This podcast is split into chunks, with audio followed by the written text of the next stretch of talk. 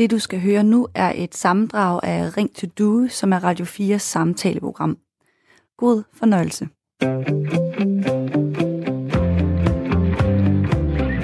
Du lytter til Ring til Due med mig, Camilla Due. Jeg har altid tænkt, at jeg kunne da godt lige tabe 5 kilo, og et eller andet sted, så ved jeg ikke, om jeg nogensinde kommer af med den der drøm om at være den tynde kvinde, der kan passe en størrelse 36. Jeg hader det faktisk.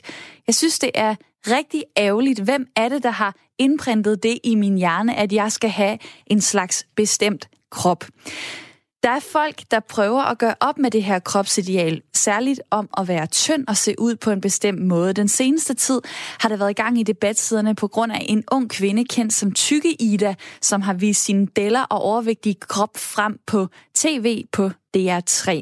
Senest der har Ida været på Fat Camp, et sted i USA, hvor kun tykke kvinder må komme, og hvor det handler om at acceptere, hvem man er, i stedet for at lave om på sig selv. Der er stadig alt for mange tykke, der skammer sig over dem selv, og det kan jeg bare ikke holde ud. Så derfor så prøver jeg stadigvæk at være med til at gøre en forskel. I USA findes der en fat camp, hvor at det ikke handler om, at man skal tabe sig. Det handler om, at man skal slutte fred med sin krop.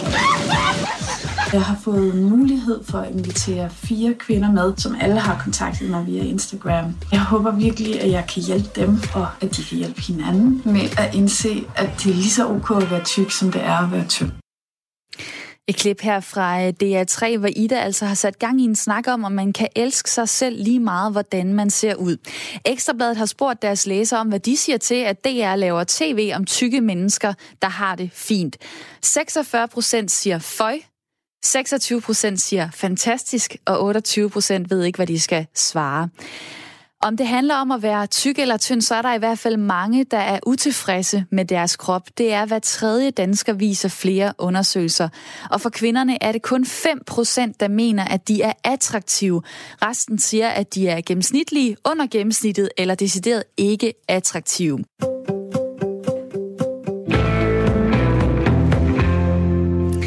Mens jeg er i gang med at ringe og skrive ind, så øh, kan jeg sige hej til mit lytterpanel i dag. Det er Trine og Simon. Hej med jer. Hej, hej. Hej. Simon Tyggaard Husted, du er 25 år, bor i Esbjerg, er grøn iværksætter og arbejder med bæredygtig mode. Du er gift med dit arbejde, elsker at stå tidligt op og gribe dagen, og så har du en fetish for Ben Jerry's is. Hej. Trine. Hagemann, 47 år, bor i Hadsten, arbejder som chef for Bevæger for Livet Fitness og arbejder med foreningsudvikling. Du har mand, fire børn, kan godt lide at være aktiv og bruge din krop, kan lide en gåtur med hunden og kan lide flødeskum med kakao, og gerne i den rækkefølge. Trine, øh, hvad siger du til, til dagens emne? Jamen, jeg oplever, det er noget, der fylder hos alle danskere i en eller anden grad. Så øh, må ikke også, der vil komme med til holdninger i dag? Det tror jeg. Simon, hvorfor, hvorfor er det vigtigt at fortælle om, hvordan vi har det med vores krop? Øhm, jamen, jeg synes, at det er rigtig, rigtig vigtigt, at vi får talt om, fordi nu vil jeg prøve at gøre noget lidt avanceret, meget, meget simpelt og lavpraktisk. Øh, men det handler jo om forståelse, øh, og det handler om, at forståelsen får vi, når det er, at vi sætter ord på tingene. Fordi når vi sætter ord på tingene, så aktiverer vi underbevidstheden, og hvis vi bare har det over i tankerne, så er det kun øh, i bevidstheden, og det er der øh, to meget, meget store grunde til, at vi skal have flyttet snakken omkring kropsidealer over i øh, underbevidstheden. Øh, og det er egentlig fordi, at øh, vores overbevisninger, de sidder i øh, underbevidstheden, og det er dem, der er udfordringen, når det er, at, at som i introen du fortæller om, at, det giver jo ikke mening, altså jeg kender alle de her mennesker, og, og hvorfor er det, at det er så vigtigt for mig at komme, komme ned i den øh, kjole? Det er fordi, at det er noget underbevidst, det er noget irrationelt. Og så den anden ting, det er, at altså, vores underbevidsthed, den, kan, den, den gaber over tusind gange så meget information, at det kan ligesom omsætte, hvis du gjorde den, øh, hvis vi sagde, at underbevidstheden var en computer, og så bevidstheden var en anden computer, så er den ligesom tusind gange så kraftig. Øh, det glæder så mig det er altså derovre at... magien, den sker. Øhm.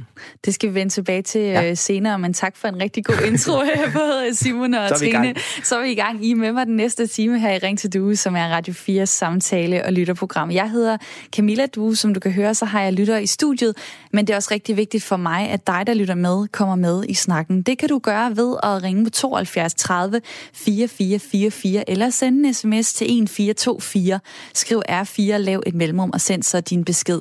Fortæl mig, hvordan har du det med din egen krop, og vær meget gerne ærlig. Er der noget, du er tilfreds med? Er der noget, du ikke er tilfreds med? Og hvordan kan det være? Noget af det, jeg har tænkt over i forhold til det her program, det er jo, at øh, nu skal det ikke kun handle om at være tyk og tynd. Det kan jo være rigtig mange ting, man er træt af. Man kan være lav, man kan have akne, man kan have tabt håret, øh, man kan have meget store skuldre i forhold til ens hofter, man kan have meget hår på kroppen. Jeg vil rigtig gerne have, at øh, både jer her i studiet, men også dem, der lytter med, åbner op for alle de der ting, som jeg tror, at mange andre også kan genkende, at man kan være lidt træt af. Øhm, Simon, øhm, hvornår tænkte du første gang over, om du var øh, tyk eller tynd?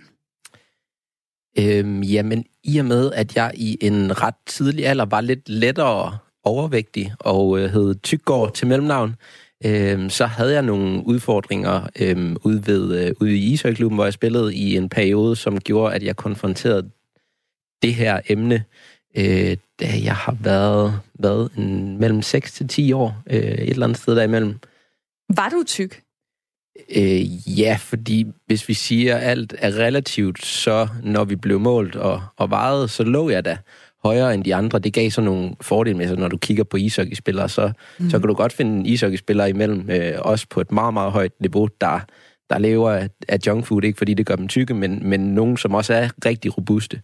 Øh, dog ikke så ofte, når det er, at højden ikke også er med dem. Øh, det er så en lille sidesing af det. På et tidspunkt, så øh, du fortalte mig, at så begyndte du at spise råbrød uden noget på. Ja, jeg havde sådan et, øh, jeg tror det var omkring 4. klasse, der, der skete der nogle ting øh, i, mit, øh, i mit privatliv, og det gjorde, at jeg måske begyndte at stille spørgsmålstegn med nogle ting, begyndte at se tingene lidt i et andet lys, og øh, så havde jeg, jeg tror det var omkring et halvt år, hvor, hvor at jeg vidderligt levede af, jeg havde, jeg stod op, så øh, nu siger jeg tyllet, øh, mm. en, øh, en halv til en hel liter Cocky One, fordi det havde jeg læst, at øh, Flemming Bamse Jørgensen han gjorde.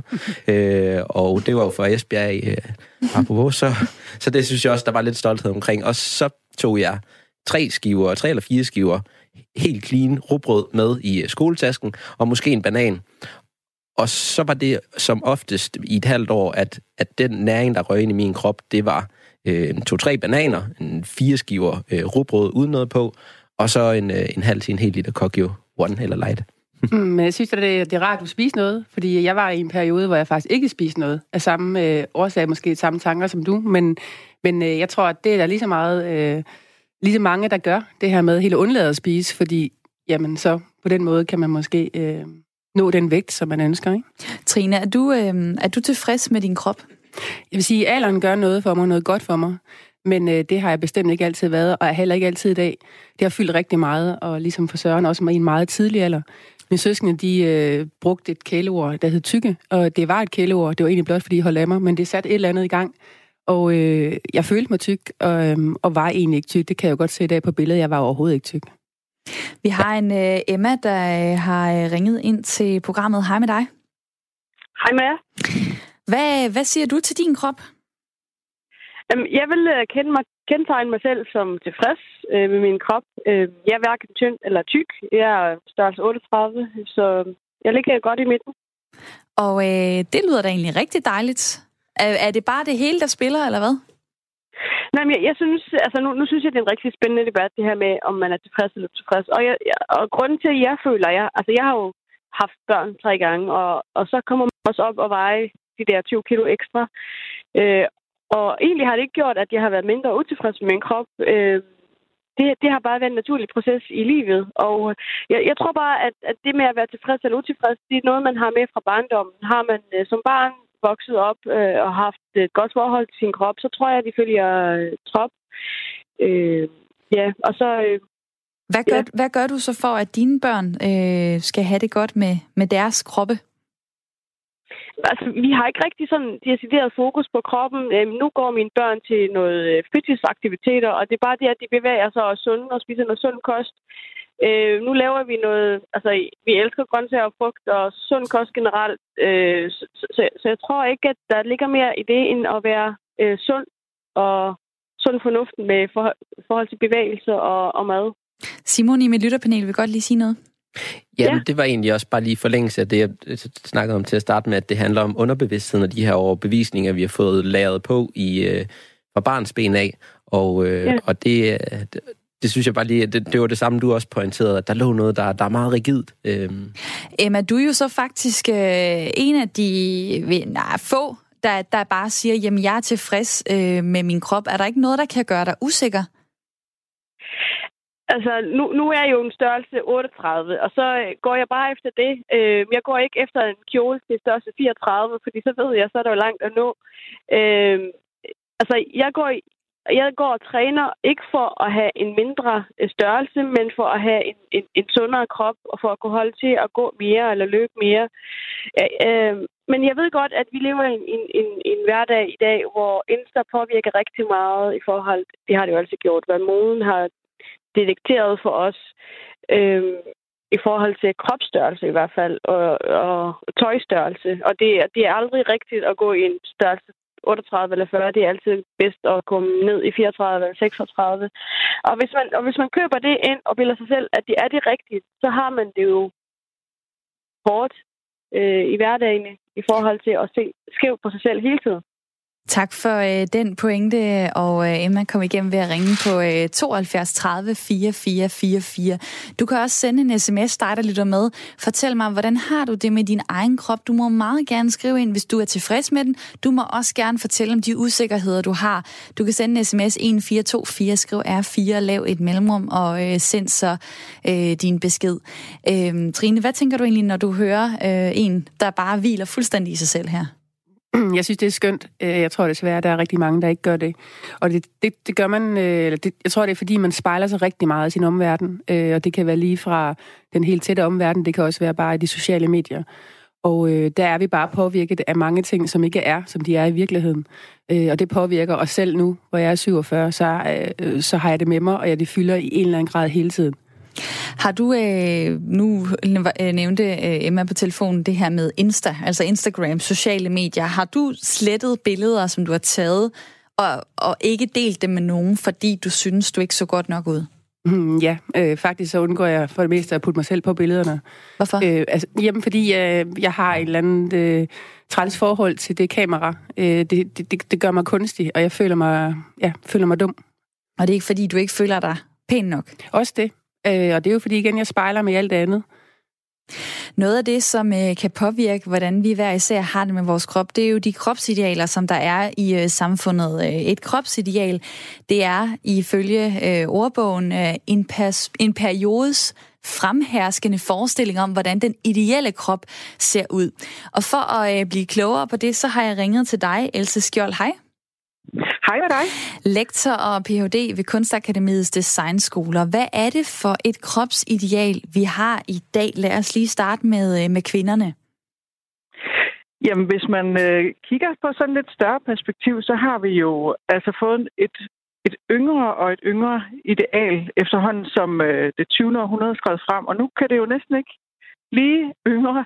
Altså, det er jo ikke rigtig voksne kvinders krop, der er idealet, og det er jo præcis det, som vi også hører øh, beskrevet af de her, øh, øh du lige har talt med, at, øh, at når man er voksen, så ser en, har ens krop som nogle andre proportioner, og den ser anderledes ud, og i øvrigt så er vi alle sammen, øh, har vi vores dejlige forskelligheder.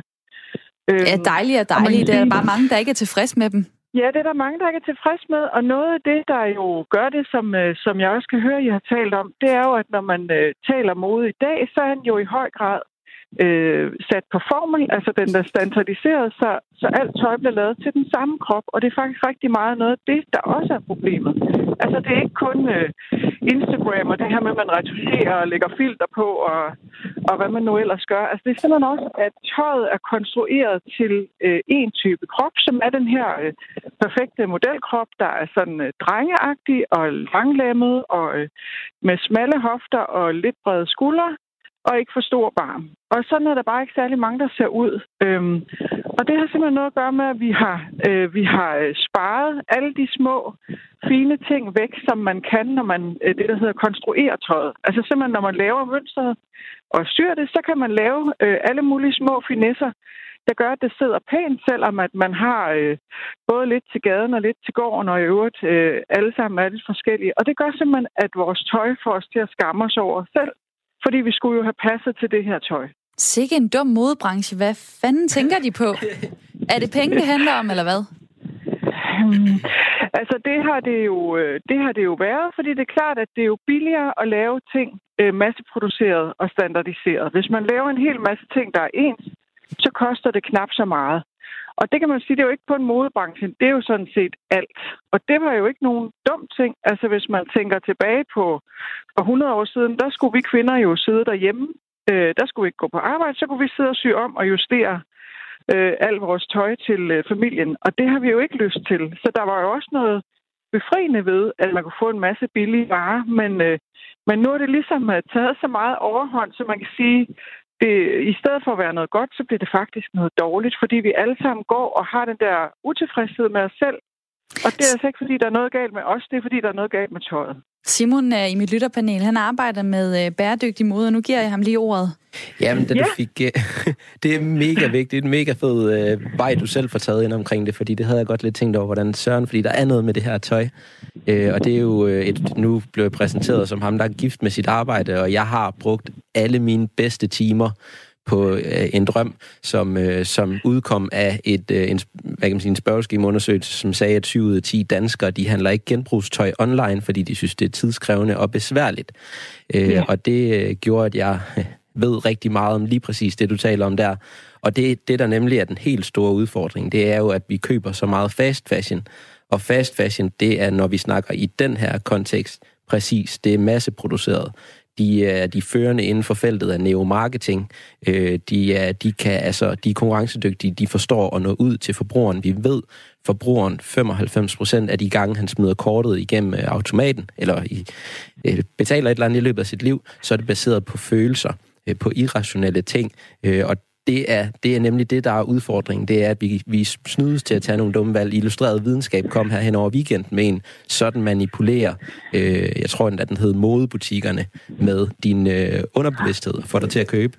Og jeg synes jo, det er rigtig, øh, rigtig jeg tager lige ordet her, jeg synes, det er rigtig øh, ærgerligt, fordi jeg har også stået i mange butikker og egentlig følt, at øh, jeg ikke kunne, øh, eller ikke kun følt, jeg kunne se, jeg kunne ikke passe noget tøj, blandt andet fordi jeg har, øh, jeg har en ret stor barm, og jeg har også ret store hofter, og det passer virkelig igen. Så det eneste sted, jeg rigtig kan finde tøj, det er faktisk øh, i genbrugsbutikkerne, fordi der har man lidt nogle andre øh, krops, øh, eller der er tøjet bygget op omkring noget andet. Jeg kunne godt lige tænke mig, at vi øh, skulle nå at høre også øh, kropsidealet for mænd. Hvordan er det i dag? Jamen altså, det er jo begyndt at minde om det samme, og det er jo sådan set det samme problematik, øh, og jeg vil egentlig slet ikke sige, at det nødvendigvis kun er fast fashion, for det er sådan set alle. De, altså, stort set alle modvirksomheder, de kører efter standardmål og styrer til en standardmodelkrop, og det er lige meget, om det er mænd eller kvinder. Og mandekrop, øh, hvad er det så for en model, man går efter? Jamen, det er jo også den drengede unge krop, som har den her T-formede, øh, sådan langlemmede øh, øh, figur. Så øh, manden, han skal også øh, holde sig som om, at han øh, er 16 år, selvom han er 53. Og øh, vi har masser af undersøgelser, der viser, at det her det er, et rigtig, det er en kæmpe frustration for en masse mennesker. Øhm, og jeg vil sige, der er jo endda nogle af de der fast fashion kæder, der giver plads til lidt mere forskellighed, fordi de laver så meget. Øh, så lige i den her snak, så er det ikke nødvendigvis dem, der er hovedsynderne. Er sådan set alle. Altså, øh, hvad, hvad er, er det egentlig, det siger? Indsnit, der er fjernet, altså, der er fjernet alle de her ting, man kan faktisk gøre, for at tøj kan sidde pænt. Og så er der også fjernet sømmerum, så man kan få det syet ind og ud, så det passer til en. Og det, det siger, det er, at vi har reduceret tøj til noget, vi skal have billigt og hurtigt. Ligesom sådan noget øh, fast food, hvor vi bliver ikke rigtig mætte og glade. Vi skal bare have noget. Og det skal vi have vendt til, vi skal have noget, der er godt som vi kan få tilpasset, så det passer til os. Og Else, lige til sidst, så vil jeg lige øh, dreje den over på det her med, med kropsidealet. Altså, du nævner, at det er både for øh, mænd og kvinder, der handler det om nærmest at, at se ud som en dreng og som en pige, øh, uden yeah. former og, og øh, så ranglet, som man overhovedet kan være. Hvad siger det kropsideal om vores samfund? Det siger, at vi har et samfund, der er, der er fixeret på at være ungdomlige og omskiftige, og vi hører jo også hele tiden, at vi skal være omstillingsparate og kreative og innovative. Alle de her dyder, der forbindes med ungdom, det er dem, vi hylder, mens det at have erfaring og viden og alder, det synes vi, det er ikke rigtig noget. Altså, der skal du sådan set bare gå hjem og skamme dig med din krop, og din erfaring kan ikke bruges til noget, fordi det er det samme som at være gået i stå. Altså, så, så det idealer, vi har, det er dem, vi selv har fortjent, kan man sige, ikke? Det må vi arbejde på. Elsa Skjold, tak ja, for din tid. Ja, det må vi arbejde på. Det er velbekomme. Lektor og Ph.D. Jamen tak for det. Lektor og Ph.D. ved Kunstakademiets øh, designskoler. Og øh, det gør jo næsten, vil jeg sige, det er endnu mere vigtigt, at vi laver det her program i dag, og vi taler om, hvordan dig, der lytter med, har det med din krop. Du kan melde ind på sms'en, det er der mange, der gør lige nu. 1424, skriv R4, lav et mellemrum og send så øh, din besked. Øh, jeg kunne godt lige tænke mig at spørge mit øh, lytterpanel. Øh, det her med det kropsideal, som vi lige hørte om. Øh, Trine, hvad, hvad siger du til det, at det er det, er det vi møder, når vi går ned i en uh, tøjbutik øh, i en hvilken som helst gågade? Det er den ranglede krop, pigekroppen uden former. Jamen, det er måske også det, jeg sådan tænker lidt. Uh, en ting er, hvordan tøjet ser ud på en. Uh, noget andet er, hvordan man føler sig i det. Men, men det her med, at vi ikke ser forskellighederne. Jeg tror også, det er det, der er udfordringen. Vi, vi ser en type. I bund og grund kunne man jo godt øh, bruge det samme tøj, bare på andre typer øh, af former, og det kunne være ret befriende. Nu har vi en Flemming, der har øh, ringet ind til programmet. Hej med dig. Ja, hej. Du har... Æ, der blev jeg lige overrasket. Det gik så hurtigt med lige at blive skiftet over. Ja, Men, øh, nu kommer du ind i programmet. Velkommen til. Ja. Og du har, øh, du har tabt en øh, masse kilo, men du er stadig ja. ikke helt tilfreds med din krop. Hvordan ja. kan det være? Det, det er, for, altså, øh, jeg må erkende, øh, da jeg, eller ikke erkende, der er jo ikke noget erkendt, men øh, faktum øh, er, at da jeg var ung, der var jeg en meget, meget flot, øh, øh havde mange ydre vuggegaver. Øh, og øh, jeg var i ubeskriveligt dejlig god form, og jeg elskede at dyrke motion, øh, og i det hele taget at træne meget på alle mulige måder. Og jeg skal lige sige, uden, uden at tage nogen former for at være så idiotisk, at indtage eller tage an, anaboliske steroider for eksempel, øh, det, det var jeg jo udmærket bevidst om, at, at det ville være noget af det dummeste, man kunne gøre på Guds jord som, som, som uh, stor motionist. Og så begyndte Men, du, må jeg lige, må lige afbryde dig, Flemming, fordi ja, så begyndte ja. du at ville tabe en masse kilo. Hvorfor ville du det? Jo, jo, jo, jo, jo, jo, men det er jo, det, det er jo netop det, jeg er ikke i god form længere. Der er, der er en sammenhæng, der er en kontekst til det her. Altså, der, jeg er jo ikke i god form længere, og, og, og, og, og øh, altså, jeg har været op på 144,5. Jeg er 1,82 høj. Jeg er meget robust bygget. Øh, særdeles robust bygget. Og for øvrigt, hvis man øh, øh, også, også dyrker meget motion som ung, øh, så, så er det med til i, i de meget unge, meget unge år at udvikle knoglestrukturen yderligere, skal de helt at sige. Men, men, men, men jeg, jeg er nu nede på 125, øh, så det vil sige, det er, det er så at sige 20 øh, kilo på nær et halvt. Og vi har, vi, har, vi har et minut, til vi skal have et nyhedsoverblik, så jeg giver lige ordet til Trine i mit lytterpanel, der gerne vil sige noget til dig, Flemming. Jamen det var, ja. fordi nu taler vi meget om, om vægt, øh, og nogle gange det også har en betydning for, om, om, om vi synes, vi ser godt ud. Måske er det også det her med, du nævnte, Flemming, det her med, at da du var yngre, altså du var stærk, og du var, øh, du synes, du så godt ud, men, men den her energi, den vitalitet, man havde, jeg selv i en alder af 47, det er det, når jeg ser en, en ung mand, øh, en slang ung mand, den der energi mm. og vitalitet, øh, den person udstråler, er for mig et, et øh, altså det er eftertragtet, og det savner jeg. Det, det er mere mm. vigtigt end bare at være slank. Jeg skal nå at spørge dig, Flemming. Hvorfor er du stadig ikke tilfreds med din krop? Fordi at jeg tydeligvis kan se, at jeg vejer for meget endnu. Og, jeg ved, og hvorfor jeg ved, er det et problem? Hvorfor er det et problem? Det, det er et problem, fordi jeg, jeg, jeg, jeg, jeg, jeg, jeg, jeg vimmes ved det, fordi at jeg, er ikke, jeg er ikke attraktiv over. Nu er jeg så heteroseksuel, men, men jeg er ikke attraktiv. Ja, der er ikke ret mange kvinder, der er interesseret mig i, i, der, på grund af mit ydre. Mm. Øh, mit, mit, altså min, min, min fedme, om jeg så må sige det. Mm. Øh, det, det, det, og det gør ondt. Fordi naturligvis, altså, jamen, jeg vil da gerne igen have mig en partner. Jeg har været i adskillige forhold i mit liv. Lange forhold også, masser. Og, og ja, så... Og du, tror, jo, det, du det, tror ikke på, at det indre, det øh, kan stråle nok ud, så det er lige meget, om du vejer for meget?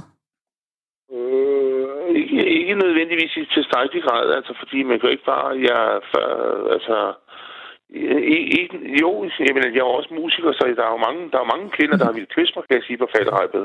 For de, sen, de seneste år, hvor jeg dog nok troede min egen, min egen øjne. Følte mig som Jeppe i baronens seng. Flemming... Uh... Shit, hvor du sej, Flemming. Du skal nok finde en kæreste inden for det næste halvår. Det er jeg ikke i tvivl om. Overhovedet ikke. Flemming, vi tror på dig, og øh, jeg bliver nødt til at øh, sige farvel til dig nu, fordi vi skal have et øh, nyhedsoverblik lige om lidt. Men tak, fordi du ringede ind til programmet. Nu er det tid til et nyhedsoverblik. Det er blevet tid til nyheder her på Radio 4. Forsvarsminister Trine Bremsen har ikke planer om at ændre i uniformsreglerne for forsvaret. Det siger hun ovenpå en sag fra efterretningsregimentet i Varde, som Avisen Danmark skriver om i dag. Her var en 19-årig muslimsk kvinde begyndt på herrens basisuddannelse. Det er det, der også er kendt som værnepligten. Kvinden bærer hovedbeklædningen hijab, der er et tørklæde, der dækker håret, men lader ansigtet være frit. Men efter fire dage hos efterretningsregimentet på Varde Kaserne, så fik hun besked om enten at tage sit tørklæde af eller rejse hjem, skriver Avisen Danmark. I herren er det sådan, at der er fem hovedbeklædninger, soldaterne må bære. Det er en barat, en vinterhue, en felthue, en slags kasket og så en hjelmhue. Og dermed så er hijab altså ikke en af de tilladte hovedbeklædninger. Og de regler har forsvarsminister Trine Bremsen ikke tænkt sig at skrue på, siger hun til Avisen Danmark. Det får ros fra Dansk Folkepartis næstformand Søren Espersen, der også er kommitteret i hjemmeværnet. Vi har haft diskussionen før, i, både i forsvaret og også i hjemmeværnet øvrigt, og, og, og det, det er øh, glimrende, at forsvarsministeren står fast på det her. Vi, vi, vi, kan, vi kan ikke have særlige øh, uniformer i, i forsvaret. Også fordi ordet uniform, det betyder ensretning. Øh, at man simpelthen alle sammen optræder som en, et fælles styrke, og der kan det ikke nytte noget, at man, at man skilter øh, så tydeligt øh, med sin religion, som tilfældet er her. Forsvarsminister Trine Bremsen siger til Avisen Danmark, at det er en bred skare af unge mennesker, vi får ind i forsvaret, og der er sandsynligvis mange ønsker til, hvordan man går klædt. Det handler både om sikkerhed og ensartethed, og om ikke at sende et signal, siger Trine Bremsen. En dansk statsborger er blevet sendt i hjemmekarantæne. Statsborgeren kom fra Belgien til Danmark og blev efterfølgende modtaget i isolation på Aarhus Universitetshospital. Det oplyser Styrelsen for Patientsikkerhed. Personen, der ankom til Aarhus med ambulance i onsdags, er testet negativ for coronavirus, men styrelsen vurderer, at der stadig er en risiko for, at vedkommende kan være smittet, og det skyldes, at danskeren var ombord på et fly, hvor en belgisk statsborger efterfølgende viste sig at være smittet. Og derfor så skal danskeren altså i hjemmekarantæne i 14 dage. Det betyder, at vedkommende skal opholde sig hjemme, og altså hverken kan gå på arbejde, i skole eller færdes ude generelt. Personer i hjemmekarantæne skal blandt andet måle deres temperatur dagligt, sådan så lægerne kan følge helbredstilstanden. Den skovfond, som regeringen har afsat 100 millioner kroner til at oprette i år, du er ikke til at kompensere for danskernes CO2-udslip fra for eksempel flyrejser. Det er meldingen fra flere kritikere i politikken i dag. Regeringen har ellers flere gange fremhævet netop Skovfonden som et projekt, der skal give danskerne mulighed for at neutralisere den påvirkning af klimaet, som en flyrejse har. Men der er to afgørende forhindringer i forhold til at bruge Skovfonden til klimakompensation, skriver politikken. Den første er, at det tager for lang tid for træerne at vokse op til, at fonden kan hjælpe med at kompensere. Hvis Danmark skal følge internationale standarder, kan Skovfonden nemlig ikke sælge de her CO2-reduktioner, før at træerne har bundet CO2 fra atmosfæren. Den anden forhindring er, at CO2-optaget i en dansk skovfond bliver talt med i to klimaregnskaber, både hos den borger, som køber CO2-gevinsten fra træerne for at kompensere for udslip fra en flyrejse, og hos den danske stat, hvor det er en del af målsætningen om at reducere CO2-udslippet med 70 procent, når vi når 2030. Gråvejr de fleste steder i dag, og ellers stedvis dis eller tåge, især i Nordsjælland og Vendsyssel. Temperaturer op mellem 4 og 8 grader. Du lytter til et sammendrag af programmet Ring til Due. Du lytter til Ring til Due med mig, Camilla Due. Vores emne i dag det er inspireret af et forskerteam fra Polen, som har forsøgt at finde ud af, hvad der opfattes som det perfekte bryst.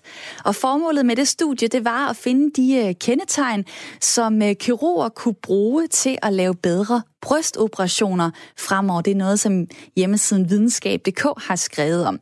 Og det er jo ikke første gang, at man har forsøgt at sætte udseende på formel. Tidligere så er der lavet nogle undersøgelser af, hvilke træk, der giver det perfekte ansigt. Der findes mange guides til, hvordan du får den perfekte røv, perfekte mavemuskler eller perfekte overarme. Vil jeg sige hej til mit øh, lytterpanel i dag. Rune Årdal Hansen, du er fra Aarhus, du er 42 år, du forsker i forurening i vandmiljø ved Aarhus Universitet, og så har du en kæreste, en datter på halvandet, kan godt lide at lave mad til andre mennesker, kan lide at kede sig, og du elsker at køre i bil med din datter. Velkommen til. Tak skal du have. Simone Brandt, du er også fra Aarhus. Du er 25 år, du læser medicin på Aarhus Universitet. Så bor du sammen med din kæreste. Du elsker surt slik. Du er frivillig i Sex-Expressen, hvor du underviser folkeskoleelever i seksualundervisning. Og så kan du lige at bruge tid med dine to familier. Der er den biologiske, og så er der den på medicinstudiet. Ja, der er. Velkommen til programmet. Tak. Simone, hvad, hvad siger du til dagens emne? Øh,